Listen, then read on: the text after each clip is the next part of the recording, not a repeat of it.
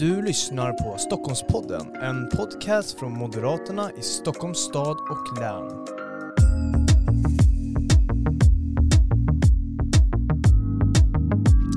Varmt välkomna till ännu ett avsnitt av Stockholmspodden. Det här är ju då första avsnittet efter vårt lilla, kan man kalla det sommarbreak? Ja, det kanske man kan göra, augustibreak eh, skulle jag säga. Men ni är i alla fall varmt välkomna tillbaka hit. Jättekul att ni är med oss efter det sommarbreak eh, vi hade och välkomna till en ny säsong, en ny termin med massa politik och intressanta eh, samtal.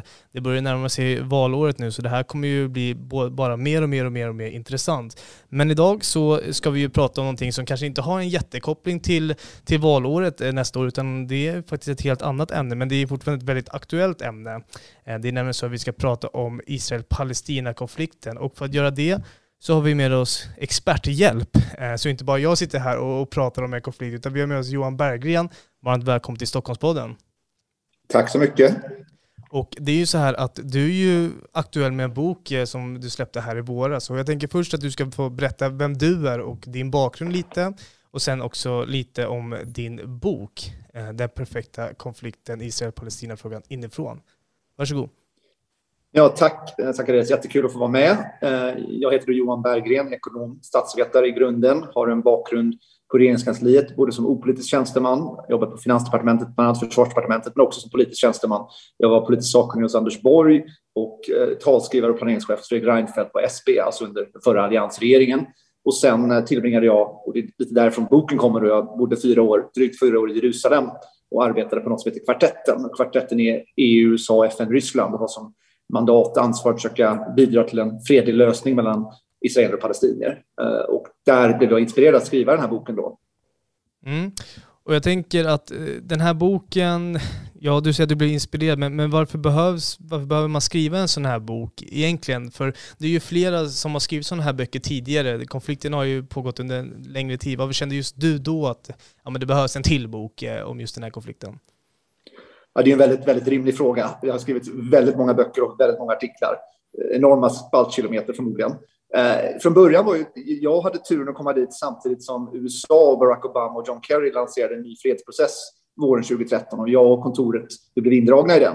Och då hoppades jag, förmodligen som många andra som, hade jobbat, som har jobbat i Israel och Palestina före mig, att jag och vi skulle vara del av en historisk process som skulle leda till fred. Och då tänkte jag, du skulle kunna skriva om det. Tyvärr blev det inte så. Och den fredsprocessen dog tyvärr och, och, och landade i ett fruktansvärt krig i Gaza, ytterligare ett i raden av dem, eh, sommaren 2014. Så då fick jag lägga om mina, mina författarambitioner lite. Men, men jag kände mer och mer att det fanns så mycket negativt skrivet om möjligheterna till en lösning. Jag upplevde mer och mer de sista tio åren att har debatten dominerats av pessimister som menar att det, kan, det går inte att lösa den här konflikten. Det handlar om en enstatslösning eller en evig ockupation.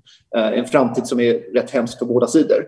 Och jag menar, det är lite det hela boken går ut på, att det finns, en, det finns ändå hopp om en bättre framtid. Och det var det lite jag ville försöka eh, förmedla. Mm. Och du har ju döpt den här boken till Den perfekta konflikten Israel-Palestina inifrån. Men jag tänker att vi stannar lite vid det här med den perfekta konflikten. Eh, du skriver ju också i din bok att det här är ju den perfekta konflikten. Men varför, vad menar du när du säger att det är en perfekt konflikt? Ja, det är också en bra fråga. Det är inte, den är inte perfekt i någon typ av moraliskt hänseende. Det finns ju ingenting positivt i att det är en konflikt, men den är perfekt så tillvida att den är väldigt, väldigt komplicerad och mångfacetterad.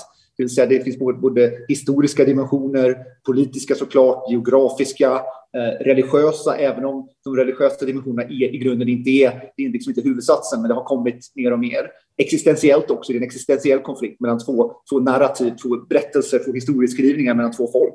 Så det är så många bottnar i det och det gör det till närmast perfekt. Mm. Du, du nämner ju en hel del där aspekter eh, som skapar den här konflikten och det, vi skulle kunna ägna ett helt poddavsnitt bara att, att ja, beta av var och en och gå in på bakgrunden. Men jag tycker att vi inte ska fastna för mycket i bakgrunden där, eh, men ändå kolla lite bakåt om, om man kan eh, tolka mig rätt. För att det har ju varit under en längre period den här konflikten och utvecklingen under tid har ju gått både fram och tillbaks. Vi kunde se i våras att det var eh, lite komplicerat läge, lite mer komplicerat läge, men det har ju också varit bättre. Jag tänkte bara om du kunde dra en kort sammanfattning över tid, alltså hur, hur har utvecklingen förändrats över tid? Ja, och ja, det är också en väldigt rimlig fråga såklart. Och, om jag bara börjar lite kort historiskt så vi ändå får den. Liksom, mm. Konflikten är inte många tusen år gammal, utan den är ungefär lite drygt 100-120 år gammal. Och den börjar egentligen i slutet på 1800-talet när, Eh, när europeiska judar börjar flytta till det som då kallas Palestina, det historiska Palestina, som är en provins i det Osmanska riket, alltså det turkiska imperiet.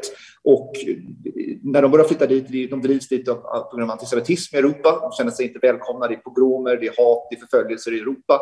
Och de känner att de vill skapa en ny framtid, ett land för, för judarna där de kan känna sig trygga. Och det, det är då sionismen, som är den judiska nationalistiska rörelsen, eh, kommer till stånd på slutet på 1800-talet. Och, men det, det land, det område de kommer till, Palestina, det är inte tomt. Där bor det redan mm. eh, flera hundratusentals araber. De har kanske inte en palestinsk identitet, det kan man debattera, men de är helt klart inte judar. Det finns förvisso ungefär 5 procent av befolkningen ungefär 1900 som är judar. Och det har alltid funnits judiska Eh, invånare där och det finns en historia av judiska kungadömen flera tusen år tillbaka, Bibeln och så vidare. Men när de kommer dit i början på 1900-talet så är de en helt klar minoritet. Men det kommer fler och fler, de, de, de, de är ambitiösa, eh, de bygger, de bygger städer, de bygger samhällen och, och de vill bygga sitt eget land. Och, eh, men en konflikt tilltar då mellan så att säga, de palestinska araberna som bor där och judarna. Och så småningom, för att inte bli alltför långrandig, efter flera årtionden av konflikt, av tilltagande konflikt, efter andra världskriget, efter att Storbritannien har styrt eh, över Palestina under 20 30 och början på 40-talet, så väljer Storbritannien att ge en eh, fråga till FN och FN mm. beslutar att man ska dela det här landet mellan en judisk stat och en arabisk stat. Och araberna, de palestinska araberna och de andra arabstaterna väljer att förkasta den idén Eh, för att de upplever att det var en orättvist, ett orättvist förslag. Det finns många bottnar i det, men, men det är så att eh, förslaget som FN gav den judiska staten ungefär 50, 55 procent av marken, men judarna utgjorde bara en tredjedel av befolkningen, så de fick mer mark än kanske deras befolkningsandel så att säga, eh, hade gett dem rätt till. Så araberna upplevde, de palestinska araberna upplevde det som en orättvis lösning och ett krig utbryter då 1948 som leder till att Israel, ett krig som Israel vinner mot Palestina, mot de andra araberna och utvidgar sitt territorium. Men ingen palestinsk stat blir till utan istället kontrollerar Jordanien, Västbanken och Gaza styrs av Egypten.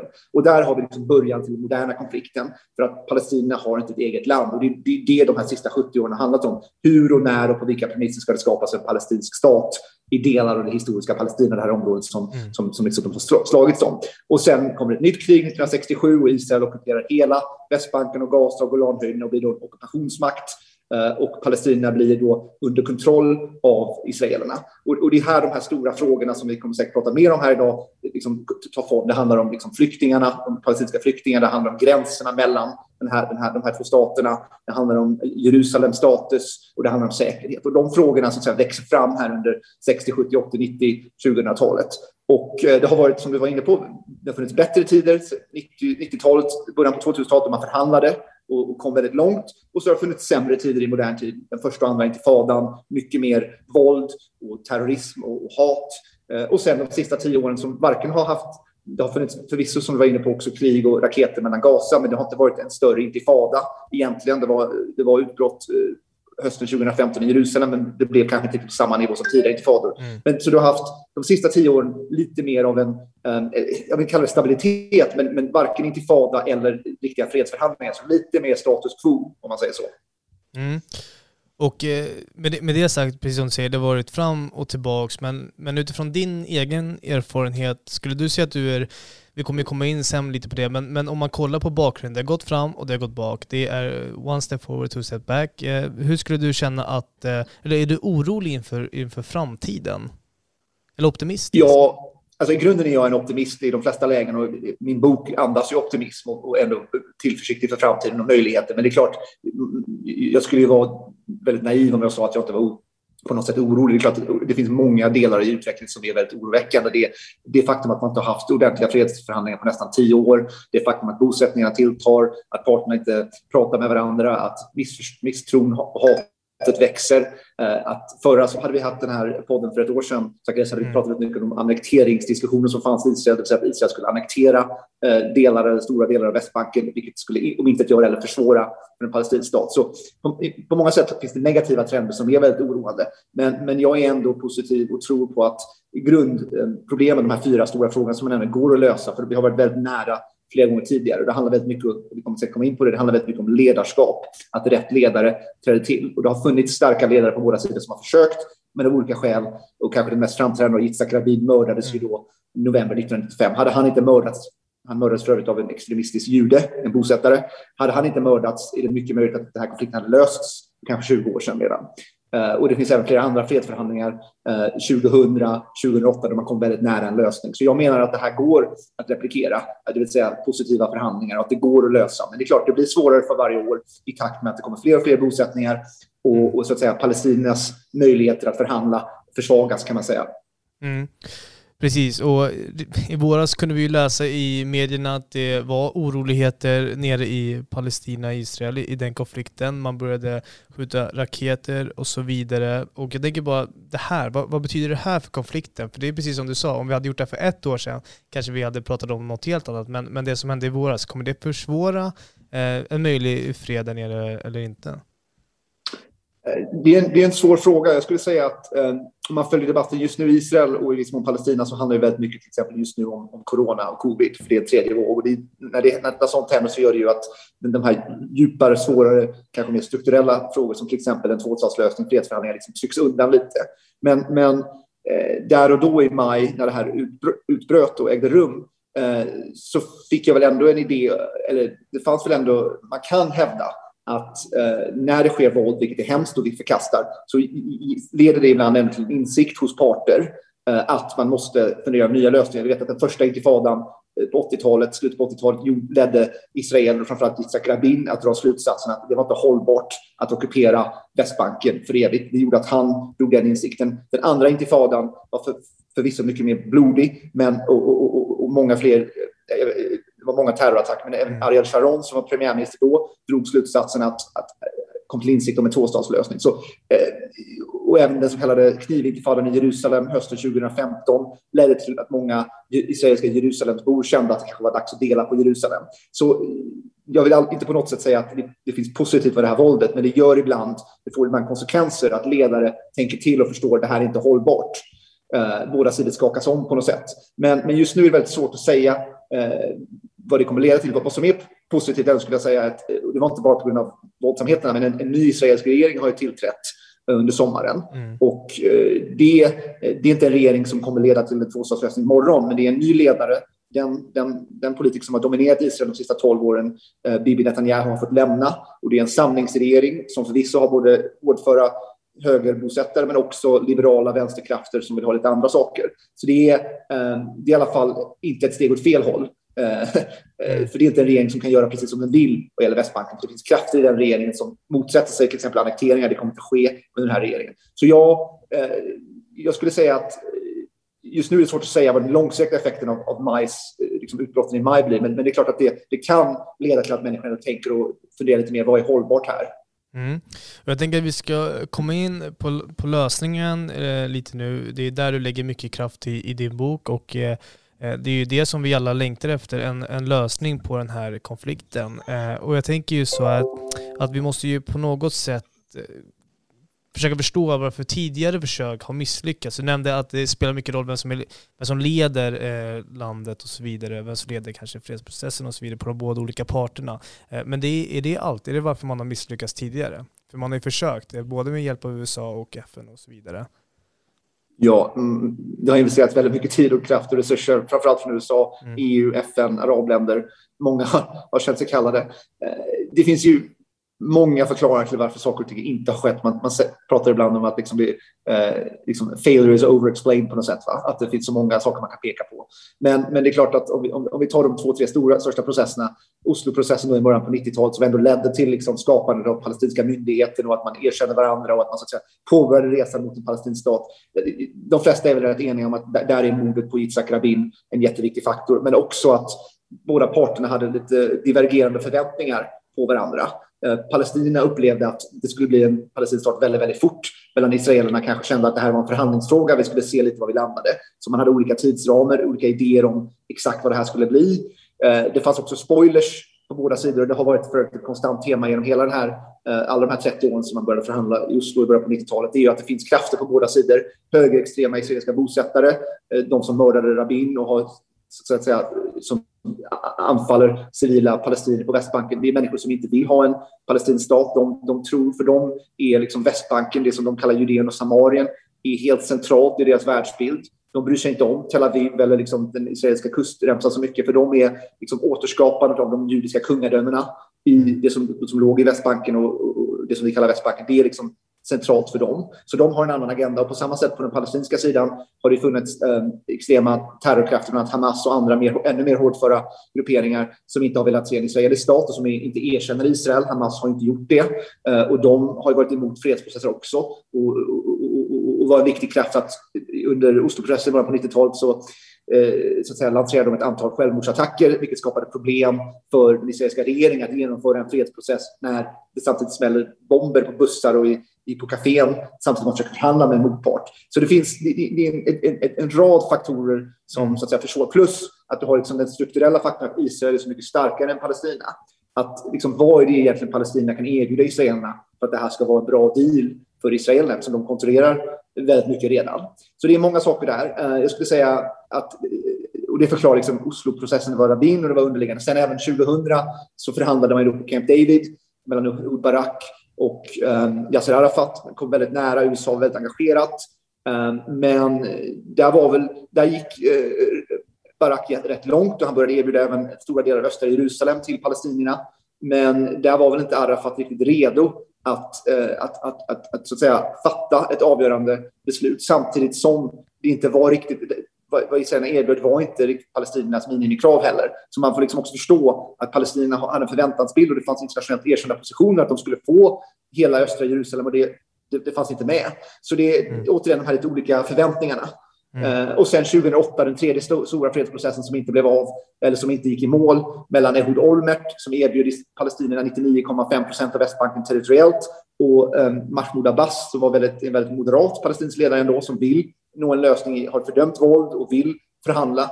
Ehm, eh, vad som hände där var att ehm, eh, Olmert, då, den israeliska ledaren, var, hade problem på hemmaplan. Det var flera korruptionsanklagelser mot honom och han var tvungen att avgå. Han kunde inte riktigt teckna firma. Han kunde inte leverera det här avtalet. Och, så man kan på sätt och vis inte... Man kan ha en diskussion om hur palestinierna agerade. De hade försökt kunna ta det vidare, men de upplevde att det avtal som lades fram för dem, som aldrig riktigt skrivs ner allting, att det kanske inte riktigt skulle kunna materialiseras. Mm. Förlåt, långt svar, men det finns en, en, en rad faktorer här eh, i de här olika processerna eh, som försvårar. Ytterst handlar det om ibland bristen på politisk vilja. Att det inte funnits ledare som har velat eller orkat ta de sista stegen. Mm.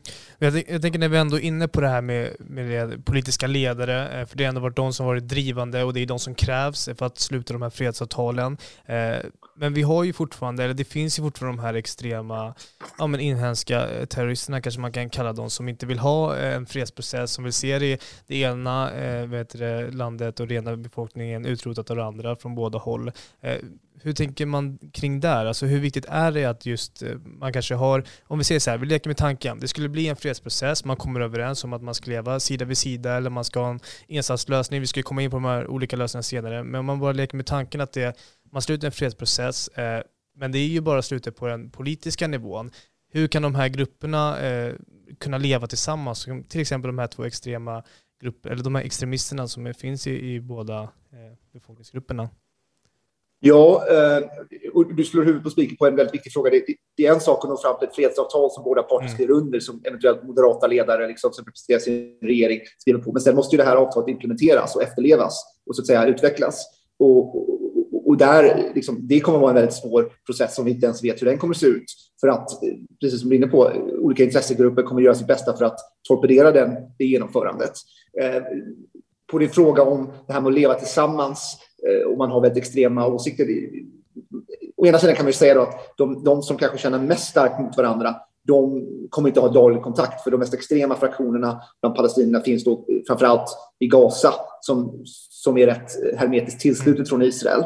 Och, och de, de, de israelisk-judiska bosättarna som är mest extrema, de befinner sig på Västbanken och kommer förmodligen behöva dras tillbaka eh, i ett fredsavtal till liksom det som blir Israel. Mm. Så jag tror, och, och, och tanken är att det finns olika teorier här om man kommer att ha mer eller mindre öppna gränser och så vidare. Men det är nog ändå så att de initiala 5, 10, 15, 20 åren efter ett fredsavtal så kommer det ha rätt tydliga gränser. Så det kommer inte vara så lätt för de här mer extrema fraktionerna att, att, så att säga, leva, komma på varandra. Det, det, hindrar inte att de kommer kunna utföra våldsdåd och hitta sätt att mm. angripa varandra och andra oskyldiga, eh, för det är deras agenda. Men, men eh, på sikt får man väl hoppas att de så, att säga, så småningom eh, lämnar den agendan och tittar mot en annan agenda, det vill säga bygga fred, bygga nya stater. Men det mm. kommer ta tid. Det kommer ta tid. Det är ingenting som sker över en natt, verkligen inte.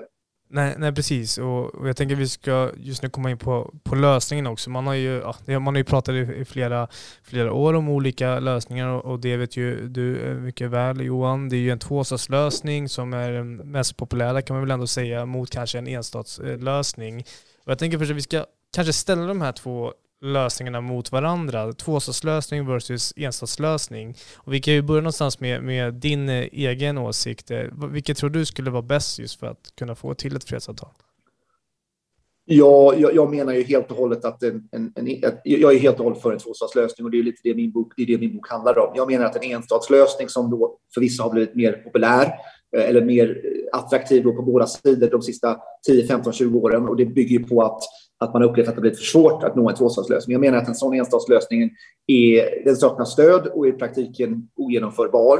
Eh, det finns en total brist på israelisk politisk vilja från ledande partier. Det finns inget ledande israeliskt parti som, jag tror knappast något, ens något parti i Knesset förespråkar, alltså israeliska parlamentet förespråkar en enstatslösning. Och vad beror det på? Jo, men det, israelerna har ju egentligen, om vi ska välja, vunnit kriget om det hela landet.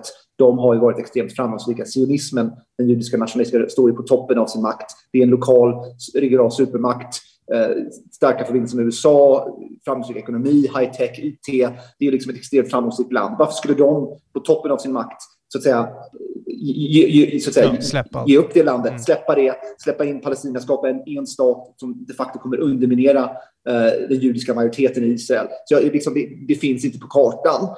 Eh, det finns också en brist på politisk vilja på den palestinska sidan. Där finns det fler grupper som tycker att en enstatslösning är intressant av olika skäl. Men, men liksom det ledande moderata Fatah-partiet i Ramallah som omvärlden förhandlar med och diskuterar med, de är ju inte för det här. De har ägnat de sista 30 åren att bygga sin stat, mm. som Sverige har erkänt för övrigt. Och många, ungefär 135 länder i världen har erkänt den. Det är inte en perfekt stat, den har många brister, jättemånga utmaningar, men de har ändå byggt ministerier, de har myndigheter, de har, de har ett antal delar av en, av en, en, en stat.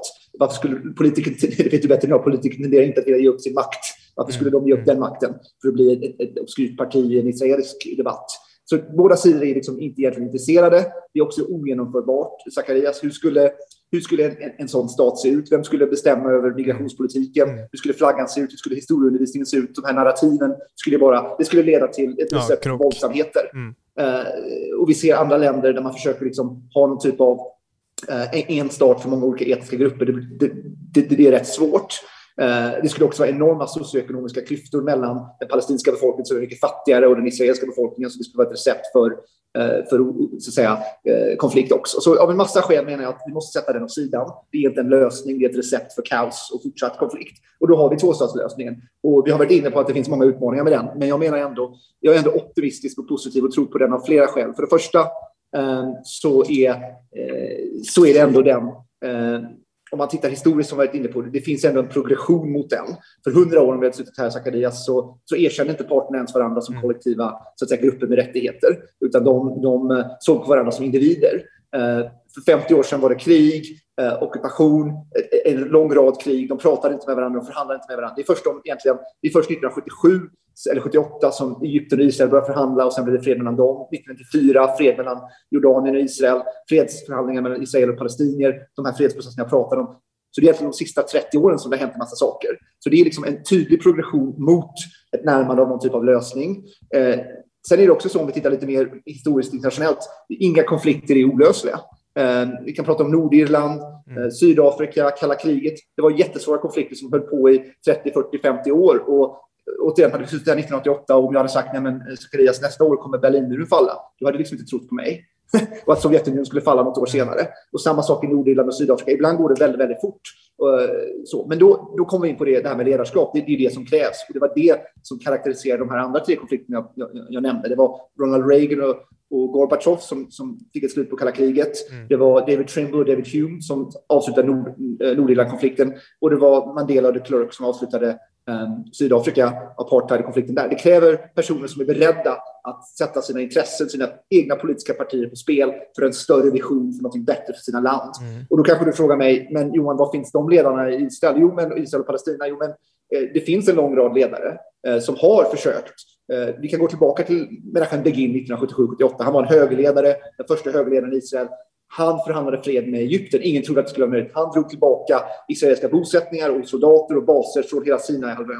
Eh, Yitzhak Rabin hade varit hårdför försvarsminister på 80-talet. Han initierade och drev igenom Osloprocessen. Ehud Barak var general, hade varit rätt tuff han med. Han förhandlade i Camp David. Ehud Olmert, höger israelisk ledare, han erbjöd 99,5 procent av Västbanken. Ariel Sharon, liksom bosättningarnas gudfader, han föreslog en tvåstatslösning. Så gång på gång har vi sett eh, israeliska ledare, även om de kommer från högerkanten, har så att säga förändrat sina positioner och förstått att tvåstatslösningen är den enda vägen framåt. Även Bibi Netanyahu, som då tyvärr inte eh, levererade några stora plan, även han förhandlade, säger vissa, i god tro 2013-2014. Så, och, och, på den palestinska sidan har vi inte så många ledare att titta på. Det är egentligen Arafat och, och, och Abbas, men båda de har också försökt. Så, så min poäng är att det finns ledare och det ger mig hopp om att det kommer komma nya ledare så småningom som kan ta det här i mål. Mm. Precis, det, det hänger ju, om man ska kunna sammanfatta allt det här så hänger det mycket på, på den politiska viljan. Eh, att det finns en politisk vilja som ska kunna sammansvetsa den här, det här fredet och de här två eh, då, folken bredvid varandra, kunna leva i, ihop. Då, då. Även om det blir en tvåstatslösning så ligger de fortfarande vägg i vägg. Eh, men jag tänker med, med mer så här, om det kommer nya ledare, ja du är optimistisk, det kommer nya ledare som kanske vill ja, gå mot en fredsprocess, men det finns ju också risker det kan ju komma ledare som inte alls vill se en, en fredsprocess och den här konflikten trappas upp. Eh, det har man ju sett eh, till exempel, som du nämnde tidigare, att det går ju tillbaks och, eller fram och tillbaka ju, eh, oavsett. Det är inte alltid så att det går framåt. Eh, så jag tänker ju bara med, med din erfarenhet och, och, din expertis och eftersom du är så insatt i den här konflikten, finns det några risker med att det, det kommer nya ledare? Kan, kan nya terrorgrupper kanske få grepp, eller om extremisterna får grepp. Man, man leker lite med den tanken, för det är ju inte, det är inte bara optimism att det kommer nya ledare. Det kan ju också vara åt det andra hållet.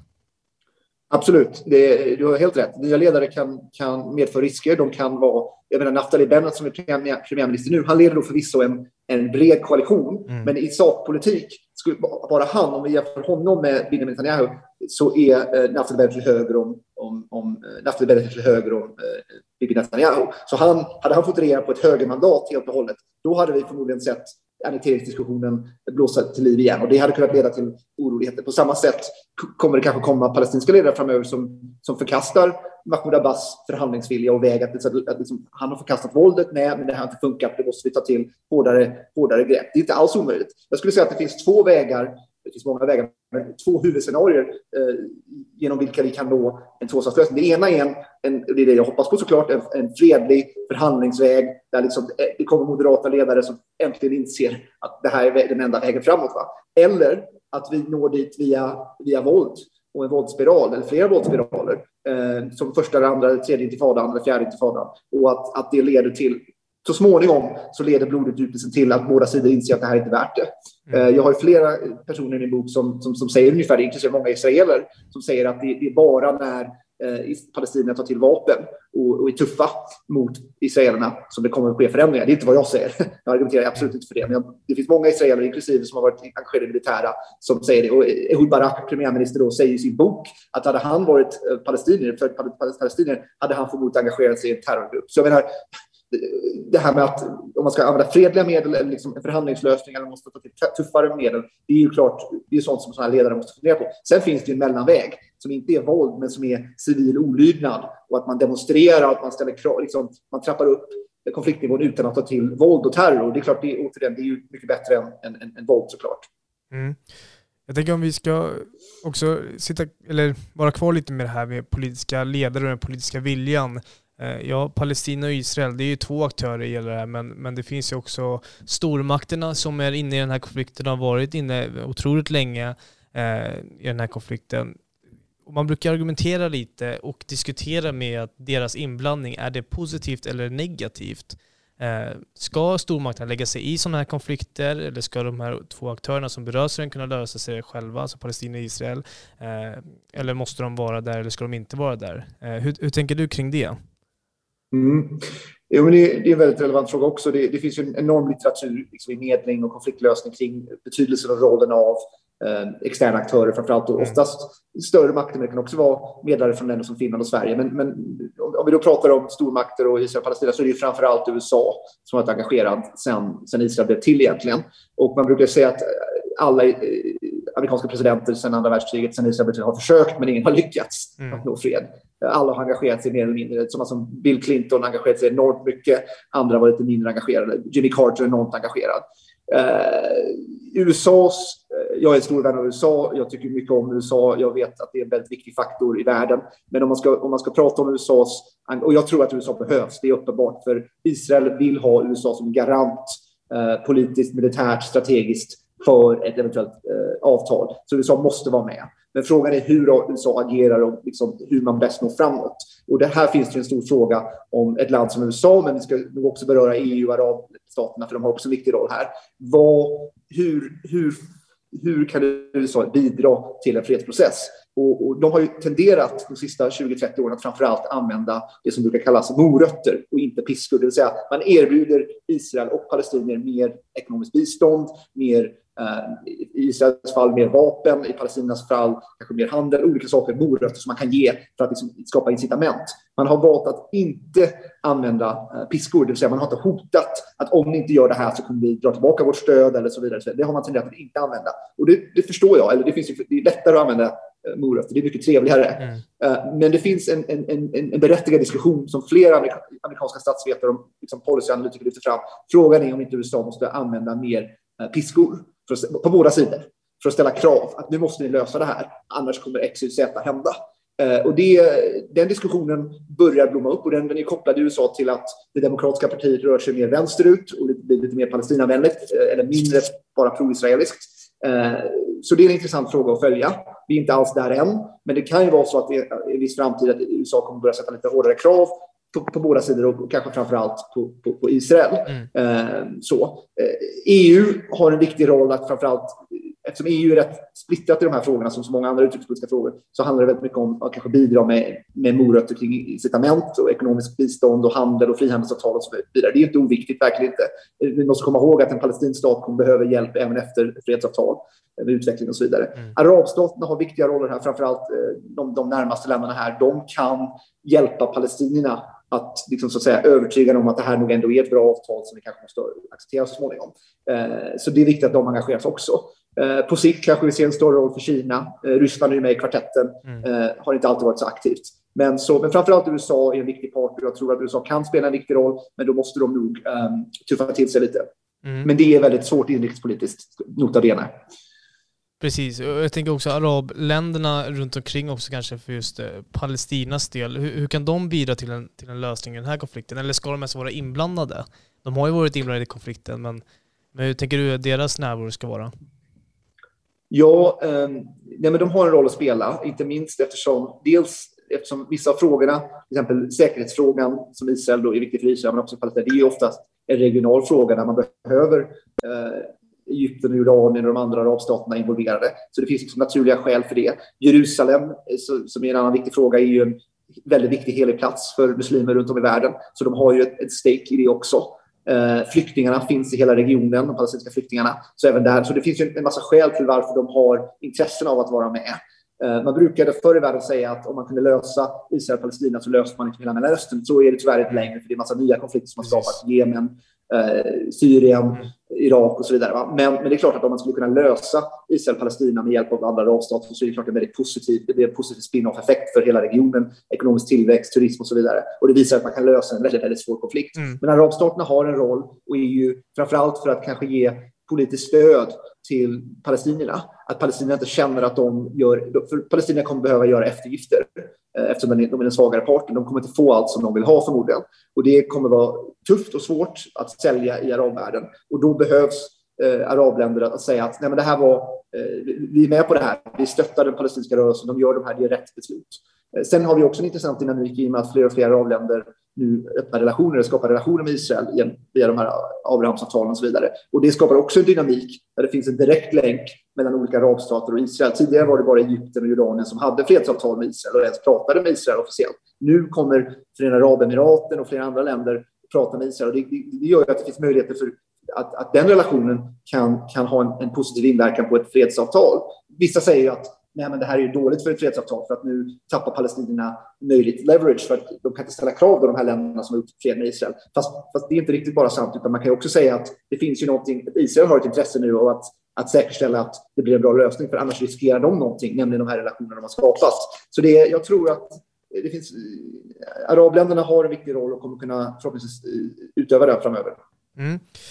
Jag tänker, vi går in för landning för det här poddavsnittet, men innan vi, vi avslutar det här så ska vi såklart också beröra lite om framtiden. Eh, om det blir en lösning, vad, vad kommer hända då och eh, lite sånt där. Så jag tänker att vi, vi lämnar lösningen nu och eh, fantiserar lite att men det blir en, en tvåstatslösning då. då. Eh, vad, vad ger det här för effekter egentligen? Vi, vi har en tvåstatslösning som har eh, kommit i kraft nu och, och de accepterar varandra och så vidare. Men, men vad ger det här för effekter för, för Palestina och Israel? Kommer allt vara lugnt? Ja. Allt kommer tyvärr inte vara lugnt omgående. Det kommer vara en, en lång resa som vi var inne på lite tidigare. Det kommer skapa, och det beror på lite vad, exakt hur avtalet ser ut och vad gränserna blir, mm. hur nöjda slash missnöjda israeler och palestinier är. Men om vi antar Eh, det, det, bästa avtal som liksom optimerar för, för, båda sidor så mycket som möjligt. Så, men, men, även då så kommer det finnas grupper som var inne på tidigare, extremister och andra som kommer vara missnöjda. Det kommer att finnas bosättare som har tvingats flytta på sig. Det kommer att vara eh, palestinier som hade haft andra förhoppningar. Så det kommer finnas ett mått av missnöje. Men om vi tänker oss lite mer positivt, om det verkligen blir ett fredsavtal som implementeras och det är någon, någon typ av stabilitet på marken, då, eh, ja, men då finns det enorma, en enorm uppsida för båda sidor. Då kan ju, för israeler så kommer man så småningom kunna behöva eh, lägga mindre pengar på att ockupera hela Västbanken. Man kommer att dra mm. tillbaka sina militärer därifrån huvudsakligen, eh, med, med vissa undantag kanske kring Jordandalen, men man behöver inte alls ha lika stor eh, militär närvaro. Det, det, kan man sänka skatten för, eller hur? Eh, ja, så man kan ha lägre skatteutgifter. Eh, det, tycker vi, det tycker vi om, eller hur? Ja, det, är, det, är bra, det, är, det är bra samhällsekonomiskt för den israeliska staten att då liksom förhoppningsvis mer tillväxt. Också fler turister kommer om det är säkrare och tryggare. Det finns också en enorm, och det här tittade vi mycket på när jag jobbade på kvartetten i Jerusalem, det finns en enorm potential av att Israel och Palestina tillsammans skapar turist program. Man vill ju ofta besöka delar både Israel och Palestina. Allt är ju det hela landet. Man vill åka till Tel Aviv och till Betlehem som ligger i Palestina. Man vill åka till Jerusalem som är på båda sidor. Man vill åka till Hebron. Man vill åka runt överallt. Mm. Och man kan göra, optimera turistresorna mycket mer om det är ett, liksom, ett mycket mer hållbart fredsavtal och, och det är tryggare och mer stabilt att resa igenom. Gaza kan låta konstigt, men det finns enorm turistpotential där. Att bygga hotell eh, längs, längs stranden. Det är en underbar strand med solnedgången liksom, som man har västerut så att säga. Mm. Så det finns enorm ekonomisk potential, potential att på den israeliska sidan att, att uh, ha ett mer hållbart ekonomiskt, man behöver inte lägga lika mycket resurser på det militära. På den palestinska sidan eh, enorm ekonomisk potential att utveckla sitt, uh, sitt samhälle. Man har inte kunnat göra det riktigt eftersom man varit ockuperad. Du vet, palestinier vi har kommit in på det, men Västbanken är uppdelad i tre områden, A, B och C. Och i området C, som är ungefär drygt hälften av Västbanken, kan ni säga palestinier som äger land, de kan inte bygga där eller utveckla sina eh, jordbruksfält och så vidare om de inte får ett tillstånd från Israel. Och det är väldigt svårt att få. I en tvåstatslösning där palestinierna styr själva så kommer de ju rimligen kunna bygga fabriker, mm. liksom jordbruk och utveckla industrizoner, utveckla sin ekonomi och skapa en mycket mer hållbar ekonomi skapa jobb, hundratusentals jobbtillfällen och så vidare. Export, import, handel, eh, investeringar. Allt det här som liksom inte sker och som är extremt svårt och komplicerat just nu, Zacharias, kommer att kunna ske på ett mycket mer normalt och positivt sätt. Mm. Eh, till exempel nu är det väldigt, väldigt svårt för araber från arabvärlden att komma in till Palestina för att få ett uh, investeringsvisum om de vill investera i ett, ett hotell. Det kan de inte göra nu. Mm. I framtiden borde de ju kunna göra det. Så det är en enorm uppsida. Det finns risker som var inne på, men, men liksom uppsidan är mycket större. Mm. Man vi, vi är kvar i, i framtiden och man, i andra konflikter brukar man alltid prata om eller lyfta fram barnen, eh, den förlorade generationen om det varit väldigt infekterad konflikt. Och, och jag tänker just, just i det här kanske för, för Palestinas del då, då som inte är lika utvecklad som, som Israel. Eh, kan man se några effekter på barnen? Barnen som växer upp, eh, är det en förlorad generation, utebliven skola, man kanske växer upp i, i terrornätverk, med det här hatet mot, mot israeler. Hur, hur tänker du där? Ja, nej men det, det, det, är absolut så att på båda sidor har, har barn och ungdomar farit illa, både direkt och indirekt. Eh, kanske framför allt på den palestinska sidan som du är inne på. Eh, en viss andel har vuxit upp som, eh, på så kallade flyktingläger, eh, framför allt delar i Västbanken men också runt om i regionen. De har gått i eh, Ja, skolorna har inte varit så bra som de borde eh, och de ibland skolor har varit avbruten av, av olika typer av våldsaktiviteter. Eh, under första och andra intifadan så skedde till exempel så. Ehm, barn, det är också så att precis som du är inne på, de, de växer upp med på båda sidor en, ett narrativ och en berättelse om att den andra sidan är ond eh, och hemsk och stygg och eh, på något sätt liksom, israeler i palestinska ögon är hemska och det värsta som finns och vice versa oftast, inte bara på, på, på, på israeliska sidan. Så man, man växer ju upp med ett hat, i bästa fall en misstro, i värsta fall hat som gränsar till liksom, extremt hat. Och det gör ju att, den här, att försonas att liksom förstå att det finns människor på andra sidan. Det finns organisationer som jobbar för det. Jag har varit engagerad i en som heter Seeds of Peace som för ihop unga israeler och palestinier eh, i USA på ett sommarläger varje, varje år, 200 stycken. Och det är jätteviktigt, men det är en rätt liten andel av alla ja, ungdomar precis. som får göra det. De flesta palestinska ungdomar deras erfarenhet av israeler är ju israeliska soldater vid checkpoints, alltså vid gränsövergångar eller inne i Och det är ingen direkt positiv bild av israeler när de står där med automatkarbiner och ja, är rätt hårda mot dem. Och för israeler på samma sätt är deras bild, det finns för vissa arabiska israeler, äh, förlåt, palestinska israeler som bor i Israel, men de har helt segregerat skolsystem, så de läser inte i samma skolor. Så man, man, man, man känner till så mycket om varandra. Uh, och de israeliska ungdomarna upplever nog att många palestinier är i våldsbejakande terrorister, även om såklart så inte fallet i de allra, allra flesta fallen. Så det, det finns en missförstånd, eh, misstro, okunskap som florerar. Och det, det är ett stort problem. Och det, det, är klart att det måste man hantera genom en långsiktig, jag vill inte kalla det försoningsprocess för det är för optimistiskt, men ett, ett försök att på sikt då, genom en fredsprocess börja förstå att det finns andra narrativ. Och det var lite det därför jag skrev den här boken, för att belysa för båda sidor att jag vet att det här är vad ni tycker, men ni måste förstå att det finns en djupare eh, problematik på båda sidor. Judarna har sin historia, palestinierna har sin historia. Om vi inte förstår den historien och de känslor som det för med så kan inte, kan inte egentligen lösa konflikten. Mm. Ja, precis, och det är precis som du säger, det är en otroligt djup och infekterad konflikt eh, med olika narrativ från, från båda hållen. Eh, och det är inte så enkelt så att säga att det här, det här, eh, den här, det här samhället har gjort det mot det andra och därför ska de utplånas och så vidare. Utan på något sätt så måste man om man hittar en, en, komma överens om en fredsprocess som också håller med tiden. Då, då. Men det är ju svårt att spekulera i. Eh, i och med att det är svårt att se in i framtiden helt enkelt. Eh, och jag kan ju bara rekommendera din bok, jag håller på att läsa den nu. Eh, när ni som lyssnar på det här har jag läst ut den, men det är en, en otroligt bra bok, eh, objektivt skriven med massa information som är lätt att förstå. Så jag tycker att jag ska slå ett slag för den också. Den perfekta konflikten, Palestina-Israel-frågan inifrån, eller Israel-Palestina-frågan inifrån. Slå ett slag för den också, se till att läsa den.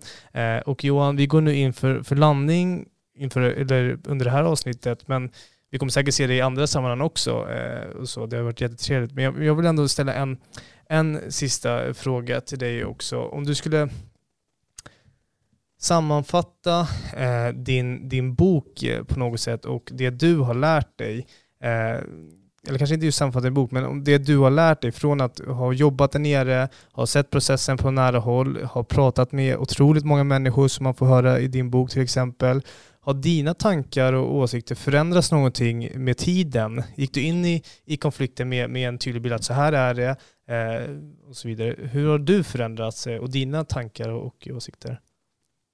Ja, tack för den frågan. Eh, jag skriver lite om det i inledningen i boken, men ja, ja, absolut så är det. Jag tror att de allra flesta som, som åker ner dit, eh, som har, med mindre än att man är ett helt blankt oskrivet blad och inte kan någonting och bara tar in allting, men de flesta har ju meningar, förutfattade meningar, idéer. De flesta som åker ner dit får ju aha-upplevelser på olika sätt. Min, min resa var ju att jag kom ju dit som eh, ja, lite mer pro-israelisk, för jag hade inte exponerats mot det palestinska narrativet. Jag hade haft många judiska vänner. Eh, jag hade läst olika böcker om, om den israeliska och den judiska rörelsen och resan. Men jag hade inte träffat nästan några palestinier i min ungdom. Och jag kom dit och blev väldigt snabbt varsebliven om att det finns en helt annan verklighet här också. Och den här, det här som kanske inte minst svenska borgerligheten ibland får med sig att Israel är den enda demokratin och Palestina är Eh, terrorister och de har aldrig accepterat Israel och så vidare. Det är mycket mer komplicerat än så. Och det finns ett palestinskt narrativ om fördrivning från eh, det som var deras hemland eh, där de bodde före 48 och, 700 000 som fick lämna. Och många av dem som har försväktat i flyktingläger och, och, så vidare har förlorat sina hus och aldrig kommer få tillbaka dem.